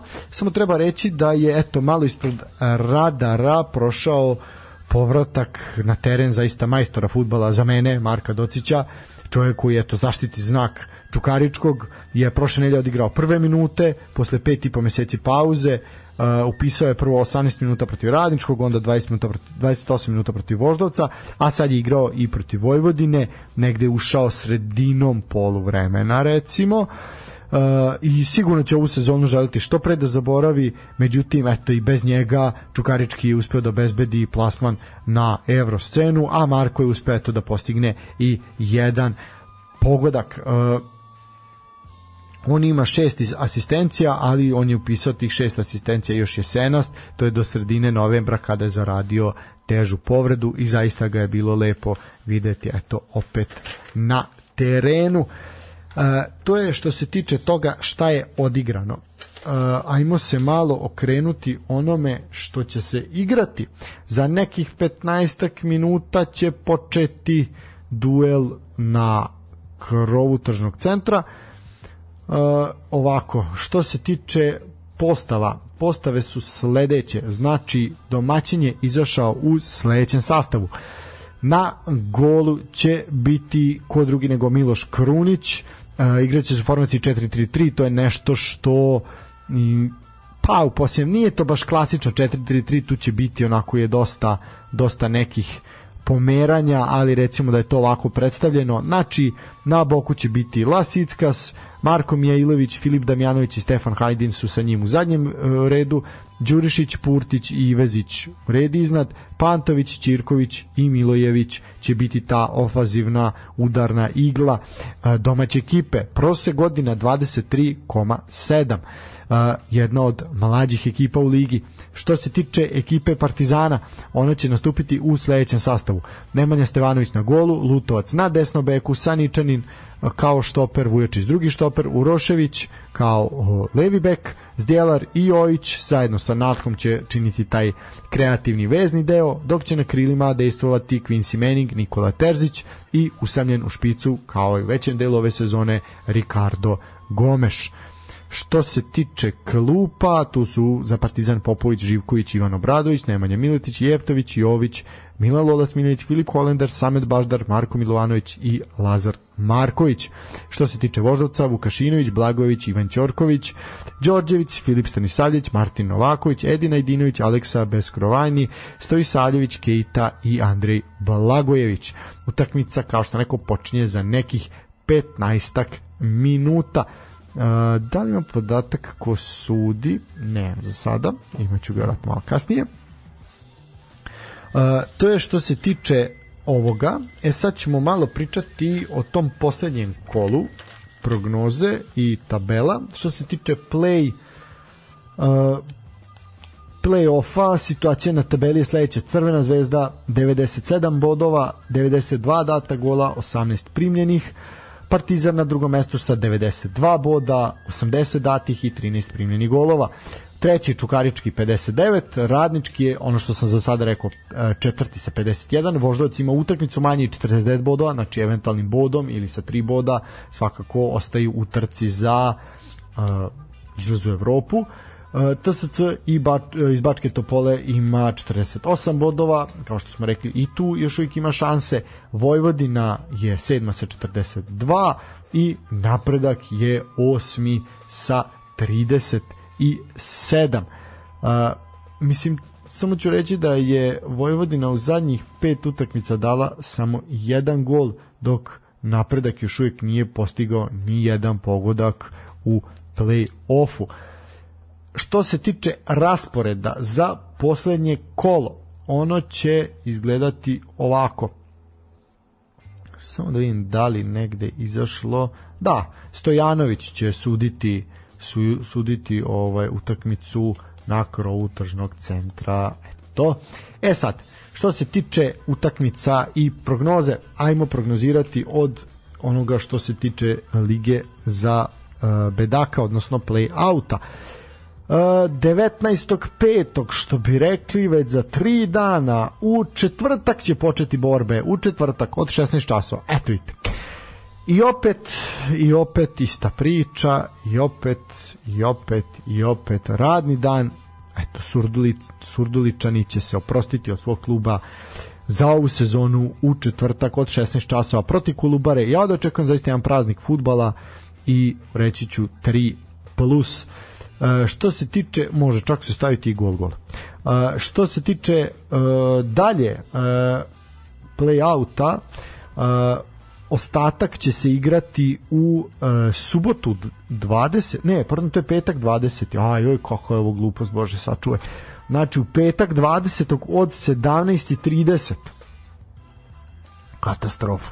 Znači, od 17.30 u petak mladost dočekuje Spartak kao što smo rekli, ni jednima ni drugima ne treba i ja mislim da će ovde bodovi ostati u Lučanima. Od 17.30 Proleter i Novi Pazar. E sad, Novom Pazaru ovde znači, Novom Pazaru znači zato što e, bodovima, makar jednim bodom, će Novi Pazar imati bolje mesto u tom pozicioniranju za play-out, tačni baraž play-outa. Uh, ja ovde tipujem na X2. Mislim da će Novi Pazar otići sa makar bodom iz Novog Sada. Uh, radnički u isto vreme od 17.30 u Kragujevcu dočekuje Metalac i ono što je jasno, radnički mora ići na sva tri, sva tri boda i tu stavljamo jedinicu. Uh, idemo dalje. Što se tiče play-offa, prvi igra Čukarički u četvrtak od 18 časova znači eto a, šta reći ako nemate šta da radite u četvrtak od 18 časova se pojavite na Banovom brdu ali u četvrtak ako ja ne grešim se igra finale Lige Evrope i eto, zašto se onda forsira da se naša liga igra u četvrtak, ako u četvrtak će centralni događaj biti finale Lige Evrope između Frankfurta i Rangersa, ako ne grešim. Jednostavno, ja, ja ne shvatam, meni, meni te stvari nisu jasne i uh, ne znam, zaista bih voleo onako da mi neko sedne i objasni da kaže, e, majmune, to funkcioniše na takav način. Znači, vi u četvrtak, a pardon, moja greška, u sredu je finale. Eto, pogrešio sam, ispravio me ljudi, u sredu je finale, onda ovo, a opet nema smisla, ali aj dobro. U sredu je finale od 21 časa. 18. Eto, mala greška. Čukarički napredak. Uh, od 18 časa rekli smo u četvrtak, a ovo je kecko vrat. Uh, što se tiče ostalih mečeva play-offa, oni će se igrati u uh, subotu od 18.30 jasno igra se u subotu zato što će se kup igrati 26. Uh, 26. će padati u četvrtak ali to ćemo o kupu pričati u ponedeljak uh, ovako, Crna zvezda Voždovac od 18.30 proslava titule kao što smo rekli najverovatnije. Ovaj vidjet ćemo da li će Voždovac moći da pokvari to slavlje. E, svakako znači Crvena zvezda pred rekli smo e, besplatan ulaz. Nadamo se da će biti puno navijača koji će pozdraviti svoje e, ljubimce. Ja da očekujem hm, pa ja da će obe ekipe dati gol. Znači gol gol 3 plus pa nek bude i više. Od, nek bude 2-2, što da ne. E, Partizan, Radnički Niš, 18.30, Partizan će naravno ovaj se boriti da tu neku dogod ta neka teoretska šansa tinja ovaj i postoji da ovaj bude bude šampion i ja verujem da će oni pregaziti radnički iz Niša, ali e, svakako i radničkom jer ovde igraju bodovi i potrebni su za tu borbu sa TSC-om i Voždovcem za Evropu. Ja ovde prognoziram 3+, plus, a, ispričat ćemo još, znači ima ostaje TSC i Vojvodine isto, u isto vreme na, u Bačkoj Topoli protiv znači dolazi od TSC dolazi Vojvodina i ja mislim da su to je Kecko vrata. Ovako, znači sad, šta kome treba? Znači u suštini svima trebaju pobede. Znači trebaju pobede radničkom TSC-u treba pobeda u slučaju znači da TSC pobedi imaće 51 bod u tom slučaju će TSC ići u Evropu zato što ima bolji plasman u odnosu na ostale ekipe. Voždovac mora imati bod više jer jednostavno su bili, da kažem, najslabije rangirani od ovih klubova, tako da Voždovac bi morao da pobedi i i Partizan i da eventualno uzme bod Zvezdi ili obrnuto, vidjet ćemo, mada su momci najavili borbu. Uh, kažem, TSC opet u najboljoj poziciji ako o, radnički ne pobedi Partizan, što ja ne vidim kako može da se desi, uh, osim ako je to trener Stanović ne bude želeo da malo odmori ekipu pred finale kupa, uh, TSC pobedom protiv Vojvodine koji zaista onako deprimirana će definitivno otići u Evropu. Kao što sam rekao, Voždovac u najtežoj poziciji, ali oni imaju 90 minuta više još uvek u svojim nogama, jer moraju da odigraju i današnji duel koji počinje za nekoliko minuta. To je što se tiče tome šta kome treba i šta ko može. U suštini uh, bit će jako, jako zanimljivo i eto ta borba za Evropu može se pričati o toj nekoj borbi za titulu mada ja mislim da je ona poprilično gotova ali ajde da ne budemo sad tako baš ovaj, pesimisti, trudit ćemo se da verujemo da može da bude nekog iznenađenja u poslednjem kolu, ali da li je to realno ili nije realno, o tome ćemo pričati. Uh, svakako i već smo i pričali i mislim da zaista nema smisla. Uh, na Areni Sport 1 Premium Jel kanalu će uskoro početi duel na krovu tržnog centra koji ćemo mi definitivno malo ispratiti pre nego što se budemo odjavili za večeras. Uh, šta još ima da se kaže? Bitno. Uh, ima bitno da se kaže, znači da će se kup igrati u četvrtak. Rekli smo da ćemo tu videti ko će tu biti uh, domaćin. U suštini u suštini uh, definitivno sve to igra u Beogradu, što je mislim da je najlakše jednima i drugima za organizaciju, samo ćemo vidjeti ko će biti zvanično domaćin. Uh, možemo pričati o tome, bio jedan moment zaista onako trenutak za pamćenje, a to je taj mali dečak koji je u Kruševcu, to sam zaboravio da napomenem, taj mali dečak koji je pa spušten sa tribine da ovaj do, imao je transparent Kanga da li može dres ovaj i jednostavno onako prvo je tu imao malo problem žandarmerija nije htela ga pusti pa onako se momak dečkice uplašio i čak se i raspakao jer ono kad vidite pandura onako u full ratnoj opremi naravno da ćete se raspakati raspakao bi se i odrasla osoba a ne, a ne mali dečak. I pustili su ga na kraju Borjan je tu pozvao intervenisao da se priđe i Kanga je dao dres momku, slikali su se zajedno i mali je onako u suzama, ali dobro, jednostavno jasno da je to onako stres popriličan. Uh, u suzama ovaj napustio zajedno sa dresom teren i otišao na tribinu tako da zaista ovaj eto jedna jedna lepa priča eto jedna lepa slika koja je na kraju otišla iz Kruševca koji je bio u toj slavljeničkoj atmosferi. Uh, možemo pričati i o prvoj ligi, taman dok počne utakmica na krovu. Što se tiče prve lige, tu je situacija takođe jasna. Tu je, mada sad mi je žao što Stefan nije tu, iako sam se dvomio da li da pričam o svemu tome, mladost je napravila fantastičan rezultat i pobedom od 3-1 u Sremskoj Mitrovici je osvojila trofej prve lige Srbije i kao direktan učesnik e, plasiraće se jel kao direktno u, u Super ligu. E, što se tiče ostalih rezultata, Železničar je pomalo i iznenađujuće pobedio IMT u na njihovom terenu 2-1. Loznica je dobila Indiju 2-1, Indija je totalno potonula. Žarkovo je sa dva igrača manje uspeo da savlada Javor, bilo je 2-1.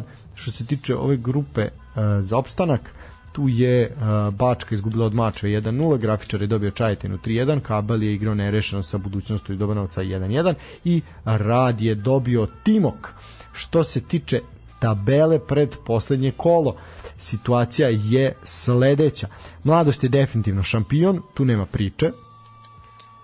I Mladost će kao proplasirana i relaksirana ući u to posljednje kolo i definitivno u jednoj slavljeničkoj atmosferi dočekati IMT na novom naselju. Uh, IMT sad šta je tu situacija? Javor ima 66 boda na drugom mestu, 66 boda na drugom mestu, Železniča 65, IMT 64, Indija 61, Indija jako teško bilo šta može da uradi, a ovako, znači, uh, Javor Javoru je potrebna pobeda, nema šta.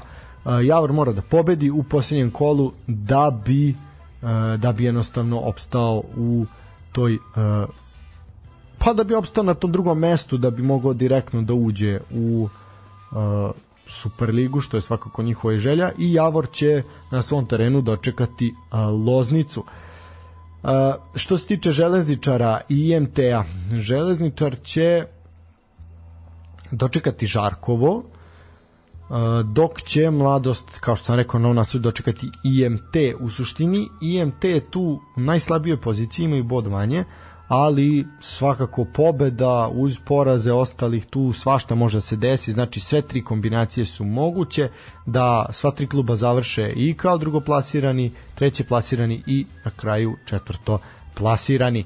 E, tu će se i onda znati definitivno ko će igrati protiv Novog pazara i Radničkog, znači da se još uvijek ne znaju direktni uh, putnici u Superligu kao ni ovi što će tu superligaški status tražiti kroz baraž. Što se tiče ostalih utakmica, Indija će dočekati Sremsku Mitrovicu, Javor dočekuje Loznicu, to sam rekao, Gat dočekuje IMT, Železničar dočekuje Žarkovo. Što se tiče Uh, play auta prve lige budućnosti iz Dobanovaca dočekuje rad Mačva će igrati protiv Grafičara Timok protiv Kabela i Zlatibor protiv Bačke. Uh, u tom play outu prve lige situacija je sledeća. Moment da otvorimo tabelu. Nevjerovatno evo ga ide. Katastrofa internet. Uh, znači grafičar je tu siguran 50 bodova, Rad 48, Mačva ima 47 i Čajetina ima 44. E, Čajetina zapravo jedina strahuje u posljednjem kolu da može da izgubi prvoligaški status. E, budućnost će se tu boriti sa njima da ostanu u prvoj ligi. Bačka, Timok i Kabel su sa 39, 37, odnosno 13 bodova sigurni putnici u niži rang takmičenja. Kao što sam rekao, eto, e, Čajetina će protiv Bačke na svom terenu pokušati da pokušati da ostane u prvoj ligi dok će budućnost dočekati uh, rad u Dobanovcima kao što sam rekao pa ćemo videti kom, obo, kom obojici kom opanci ko će uspeti tu šta da uradi uh, ja bih pustio jednu pesmu samo da vidim kakva je situacija da, završava se utakmica između Cedevita Olimpije i Crvene zvezde na areni.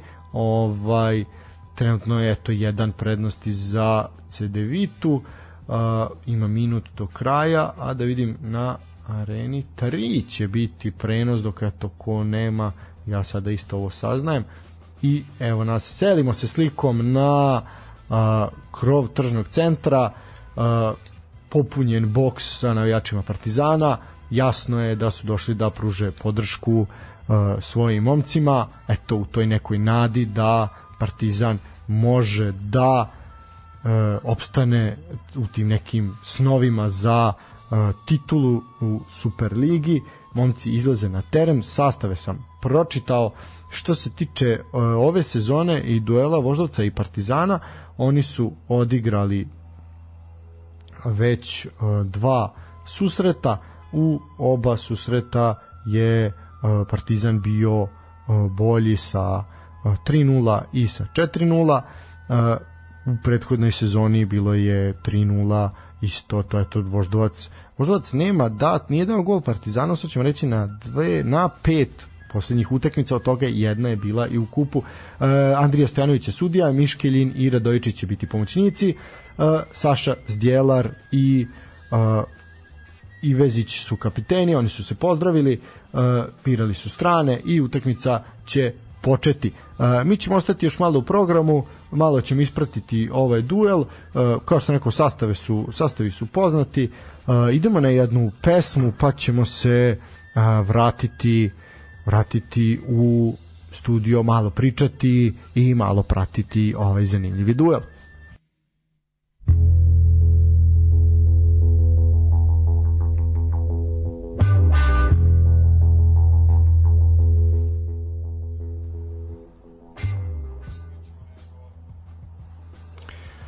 E da, dok smo mi slušali uh, Vojka V i Mamiće kao maš Dinamove tituli i ove sezone. E, svašta se izdešavalo na krovu tržnog centra, tamo je trenutno treći minut u toku, a već u prvom minutu je Ricardo zatresao mrežu, međutim, međutim, e, na fantastično, prvo je tu e, Zdjelar presekao jednu loptu koja je onako traljavo izbačena od strane odbrane Voždovca, da bi Natko sjajno pustio pas u prostor za e, Ricarda i ovaj jednostavno uh, Ricardo je lako poslao tu loptu pored uh, golmana Krunića, ali nije nije ovaj priznat pogodak, bilo je blizu, podignut je odmah offside, a uh, eto iz VAR sobe je i potvrđeno da se Ricardo nalazio u offside-u i ništa od vojstva Partizana posle samo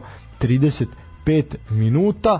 Uh, posle pardon, ovaj posle samo pola minuta pola minuta igre. E, što se tiče da, zašto sam rekao 35, pa to je na omaška. E, Ricardo je postigao 35 golova ove sezone, izjednačio se sa onim što su radi Mateja Kežman i Slobodan Santrač, tako da još jednim golom do kraja sezone će postati najbolji strelac Partizana u jednoj sezoni u istoriji kluba. Tako da, eto, Ricardo želimo naravno svu sreću da to ovaj, ostvari, a e, ponovno su imali proveru vara koji je zaista onako trebala na dobra dva minuta, e, već je počela odmah nervoza naravno i na terenu i onako jedan poprilično e, šamar ekipi Voždovca koja će morati ozbiljnije da krene ukoliko želi nešto, a kažu da žele. I sada dobro su probili i odmah su odmah su uzvratili igrači Voždovca. Sjajno probijanje po levom krilu, centar šut u peterac, ali nažalost e, nije postignut pogodak, Ćirković je šutirao, ali nije uspeo da, bilo je to ovaj Ćirković je pardon probio a Lasickas je šutirao međutim nije to uspelo da a, završi u golu. No elem idemo dalje. A, ono što se dešavalo još tokom vikenda i ta neka pitanja koja su otvorena su pitanja gde će mladost igrati fantastična šansa i ponovo iz peterca Voždovca Krunić spašava ovu loptu. Znači poprilično je uzavrela atmosfera na krovu tržnog centra. Utakmica je fantastična iako se igra tek peti minut. Da, znači mladost će najverovatnije morati da igra na stadionu Karadžorđe što onako ne raduje ljude koji moraju da održavaju teren. Mladost nema mogućnost da igra na svom na svom terenu jer taj stadion ne ispunjava uslove za igranje u Superligi, a u sličnom problemu će se naći uh, i IMT ovaj ako dođe ako dođe do toga jer i njihov stadion ne ispunjava ne ispunjava uslove. Znači zaista onako eto dva od tri pretendenta na mesta u eliti iz prve lige nemaju stadion koji ispunjavaju kriterijume takmičenja i to je popriličan, popriličan problem. Uh, i znate kako to onda funkcioniše obično u našem futbalu? Kada su takve neke stvari onda jednostavno uh, odmah se tu krenu teorije zavere. Mavi će pustiti ove, ovi nemaju stadion i tako dalje i tako dalje. Ja neću da verujem u to a eto primer proletera da mislim proleter nije jedini superligaški podstanar. Eto ide i TSC gde je primer TSC koji je tim je na, iz Bačke Topole nakon ulaska u elitu je započeo projekat izgradnje stadiona, a umeđu vremenu je bio nominalni domaćin u susednoj Senti. Prirodno rešenje je trajalo skoro nešto više od dve sezone, ali se može reći da se čekanje isplatilo s obzirom na to da je danas pretendent za Evropu i umeđu vremenu su dobili zaista reprezentativan stadion. A, vidjet ćemo šta će biti s ovim ekipama, gde će igrati, kako će to izgledati. Partizan definitivno steže obruč poprilično furiozno napadaju u sedmi minut ponovo su grčajto brane momci uh, domaće ekipe morali su da izbace loptu iz peterca ponovo i onako ne da Partizan da se diše hoće Partizan da uh, kao i do sada što se često puta dešalo rano dođe u prednost i da onda utakmica ide jednim mirnijim ritmom a ako voždovac uspe da izdrži ovaj nalet onda su šanse velike da se otkine bod ili više, ali treba sačuvati svoju mrežu, a posle nešto uraditi i u napadu. Uh, što se tiče malo regiona i to sve dok pratimo ovu utakmicu uh, između Voždovca i Partizana, treba reći da kao što smo i pustili pesmu, a uh, to je da je Dinamo ponovo šampion u Hrvatskoj, peta sezona uzastopno, 16. put u 17 sezona Dinamo iz Zagreba je stigao do šampionskog trona. Eto, izabranici Ante Čačića su pobedom nad Šibenikom u gostima očuvali kolo pre kraja sezone četiri boda prednosti odnosno na Hajduk, te će na Megdan, drugoplasiranom klubu i šampionata u okru poslednje kola izaći bez rezultatskog značaja. E, Hajduk se potencijalno nadao da može doći do neke ovaj, nekog iznenađenja, savladali su Istru, sa 3-1, uradili su ono što je do njih, međutim Šibenik nije imao snage, imao je nekoliko šansi, ali jednostavno nije uspeo da pruži veći otpor. Bila je ta šansa u 26. minutu kada je Livaković fenomenalno zaustavio pokušaj Grezde. Pokušaj domaćina eto predstavljaju opomenu Zagrebčanima koji su već u 39. minutu zatresli mrežu rivala. Petković je nadmudrio odbranu Šibenika, Tolić pravovremeno utrčao u prostor i na centar šut Špikića poslao iza leđa golmana Rogića. E, domaćin načet u završnici prvog polovremena poklekao je vrlo brzo i u nastavku, te je Petar Bočkaj uh, izvanredno izvedenim slobodnim udarcem udvostručio prednost eto Pero Bombardero kako ga zovu je postavio konačan rezultat na ovom meču, eto završnica susreta je odgonetilo pitanje šampiona Hrvatske, protekla je u napet atmosferi i borbi na ivici žileta, ali zaista da je kulminaciju čak predstavio i konflikt u kojem je došlo do verbane, verbalne rasprave i koškanja, ali eto Dinamo pred posljednje kolo i taj uh, derbi sa Hajdukom će slaviti titulu i onda se pojavila i ta priča da li će futbaleri Hajduka napraviti špalir za da dočekaju novog prvaka, vidjet ćemo, ali eto, jedna od najuzbedljivijih sezona u HNL-u ko je pratio, zaista je uživao, četiri kluba su se borili za titulu i onako do samog kraja šampionata kada je onda ostalo 3 pa 2 i na kraju jedan jedini. uh, a to je svakako Dinamo koji je i šampion. Uh, bilo je zanimljivo za gledati, kažem ko je gledao imao je šta da isprati, mi smo to onako malo provlačili koliko nam je dozvoljavalo vreme, tako da definitivno treba ispratiti i Hrvatski kup koji će se isto igrati u četvrtak između Rijeke i Hajduka. E, namjerno sam tako pročito, iako se igra u Splitu, Rijeka je nominalni domaćin. E, što se tiče e, Makedonije, e, teška vremena za Vardar, to je neka vest koju treba izdvojiti iz, uh, da kažemo, najjužnije bivše zajedničke republike. Uh, cilj je bio ekspresni povratak u prvu ligu, međutim ekipa Vardara nije iz, uspela se izbori pa eto čak ni za baraž, pa će i naredne sezone ostati u drugoj makedonskoj ligi, eto najtrofejniji makedonski klub zaista prolazi kroz jedan težak period. Prošle godine su ispali iz elite, dobili su nove vlasnike, ali nisu uspeli da prođu drugoligaške prepreke, pa će i dalje igrati u nižem rangu takmičenja. Ovaj legendarni klub sledeće sezone će imati još teži dodatak jer se druga liga u Makedoniji ujedinjuje i više neće biti dve lige sa po 10 klubova, već jedna sa 16 ekipa. Novi vlasnik Slobodan Krstevski je nasledio ruskog biznismena Sergeja Samsonenka i najavljeno da će klub potpunom reorganizacijom se vratiti tamo gde, gde mu je mesto. Ipak Vardar je ostao iza šampiona Sileksa i debitanta drugoligaša Voska Sporta, klub u vlasništvu bogatog, bogatog makedonskog biznis, biznismena Nefija Useinija, koji je eto, sastavio respektabilan tim i završio na drugom mestu, te će, se, te će prvi put igrati za ulazak u prvu ligu. Vardar je ove sezone dobio potpuno nov tim, promenio ukupno tri trenera, sezonu je počeo sa Beograđanom Goranom Simovim, koji je posle nekoliko kola dobio otkaz, pošto rezultati nisu išli po planu. Aleksandar Bajevski, nekadašnji igrač kluba, vratio se kao sportski direktor, a za trenera je postavljena druga legenda kluba Nikola Gligorov, to je ključan strelac u meču protiv Fenerbahča u Istanbulu, kada je Vardar, uh, kojem Vardaru donao istorijsko mesto u grupnoj fazi Lige Evrope 2017. godine. Rezultati su krenuli na bolje, ali pad forme usled sezone i dva podbačaja u martu i aprilu su učinili svoje. Vardar je zaostaje 8 bodova za drugoplasirani Voska sportom i šanse da dođe do baraža su bile minimalne.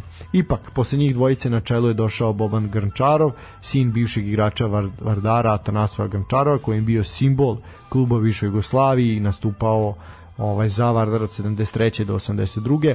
Eto bivši kapitan makedonskog kluba i nekadašnji defanzivac sa bogatom međunarodnom karijerom vratio je lako hemiju u tim e, dobijeno je nekoliko meča u nizu, među njima one protiv glavnog konkurenta Voska Sporta i to na gostujućem terenom. Terenu i pod njegovim vodstvom Vardar je došao na samo tri poda za ostatka, tako je konačan izgled e, na tabeli e, odlučan u posljednja dva kola, Vardar je pobedio oba, ali je Voska Sport uspeo da odbrani prednost krivac za ovo je bio uh, Silix iz Kratova koji je u posljednjem kolu odigrao 1-1 sa Voska Sportom, pa pobeda uh, Vardara na timom Koraba nije bila značajna. Uh, što se tiče Vardara, oni su vratili nekoliko igrača sa prvoligaškom uh, prvoligaškim iskustvom, uključujući dvojicu bivših kapitena Filipa Gačevskog i Darka Micevskog, inače dvojicu bivših reprezentativaca Makedonije, oni će morati da prihvate činjenicu da ih čeka još jedna pakleno teška sezona. Eto, to je ovaj da kažemo kratki izveštaj iz Makedonije. U Hrvatskoj smo rekli kakva je situacija. Pričali smo malo i od stadionima. Što se tiče Voždovca i Partizana, ostaćemo još koji trenutak na ovom meču, Partizan zaista napada, evo trenutno preko levo krila u peterac na tačnije neki 10 metara od gola gde je Menik primio loptu, ali se okliznuo, međutim lopta je brzo došla do Lazara Markovića, udarac, ali šta je Krunić odbranio, kakva šansa za Partizan, šta je skinuo Krujić, Krunić, kakav je ovo bio udarac sa nekoliko metara, fantastično je zahvatio ovaj vole, prvo je tu spustio Ricardo Domingo koji je čovjek pucao sa 5 metara, ali Krunić majstorski odbranio. 15 minuta u toku, korner je za Zeku Jojića. E, međutim da imamo šta se čeka. Da, čeka se sudijski znak. Da se izvede 15. minut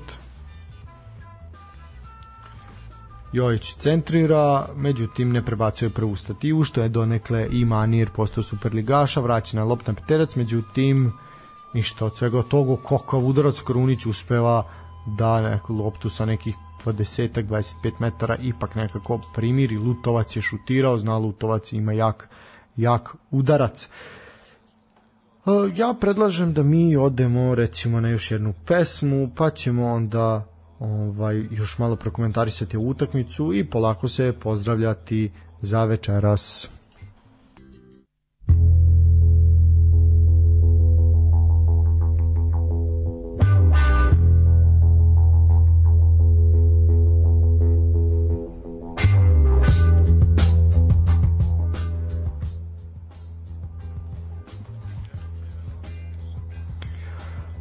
20. minut je u toku Bibra Snatko je ostao da leži na zemlji deluje da ne može da nastavi ovaj susret.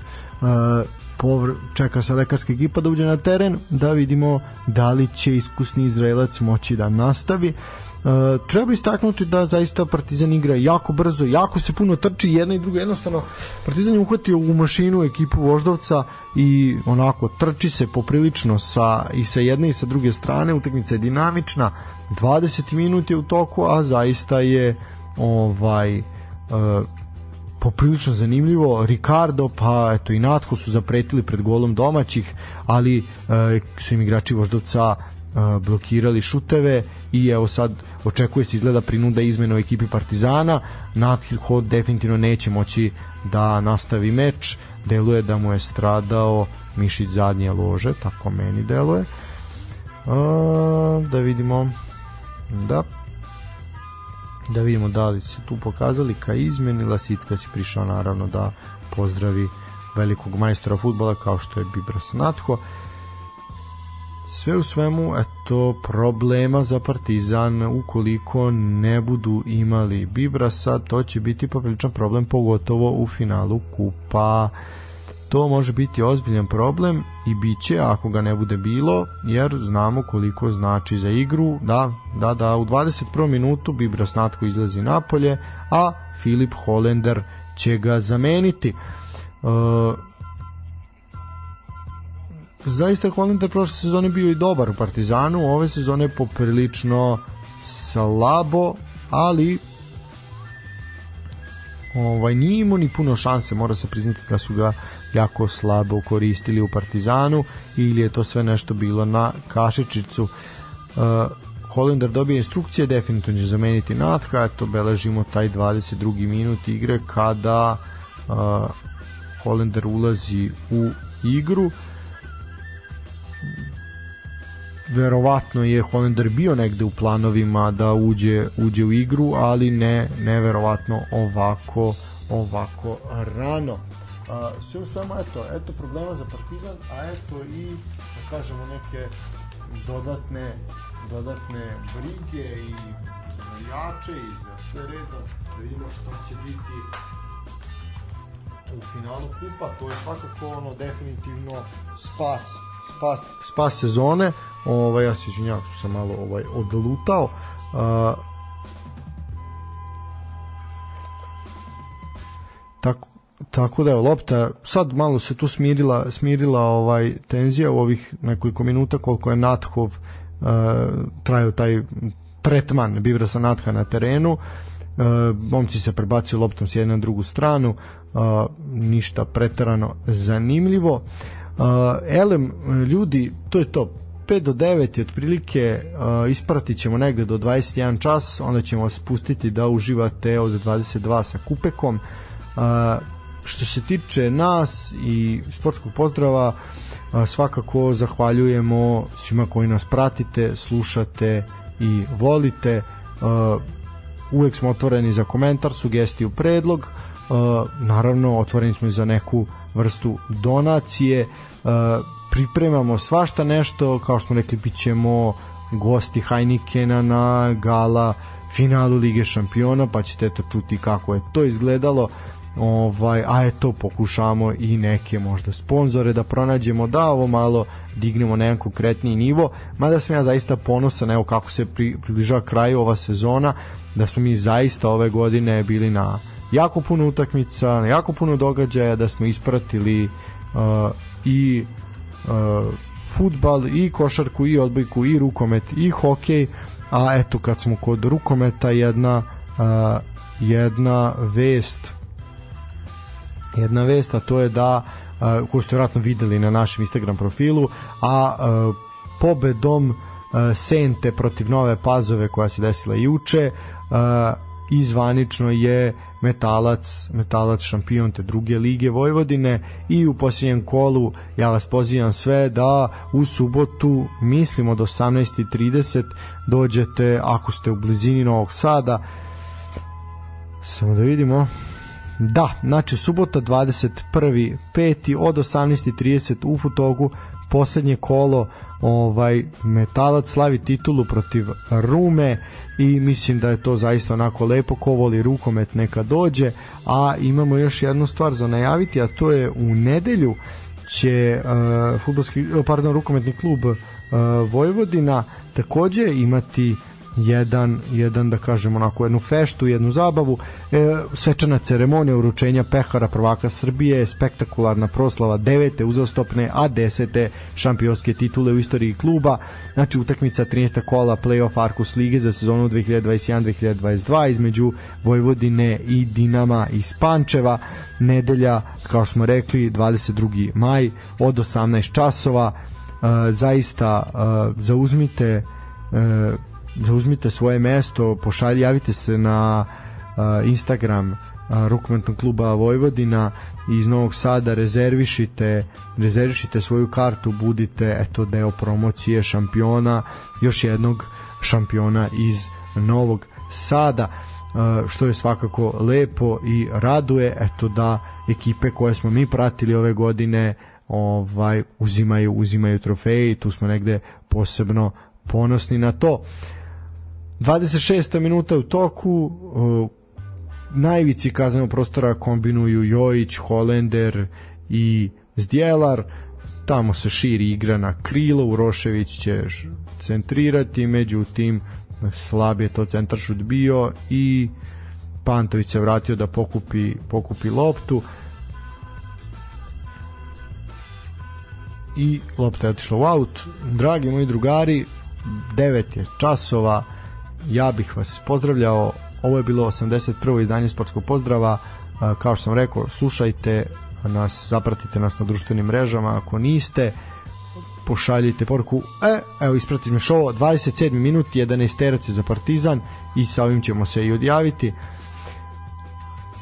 27. minut penal za Partizan povlačenje sleđa Ricarda Ivezić je tu napravio prekršaj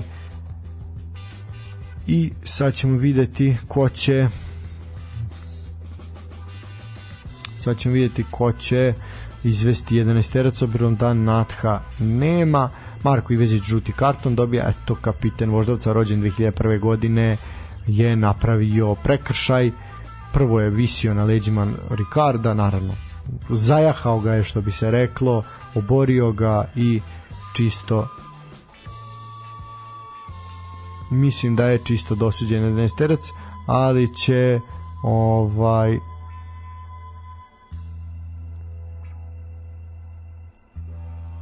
eto, poništen gol Ricarda, da vidimo da li će uspeti da postane najbolji strelac Partizana u jednoj sezoni, postigne svoj 36. pogodak, 28. minut je igre, Krunić i Ricardo 1 na 1, oči u oči, da vidimo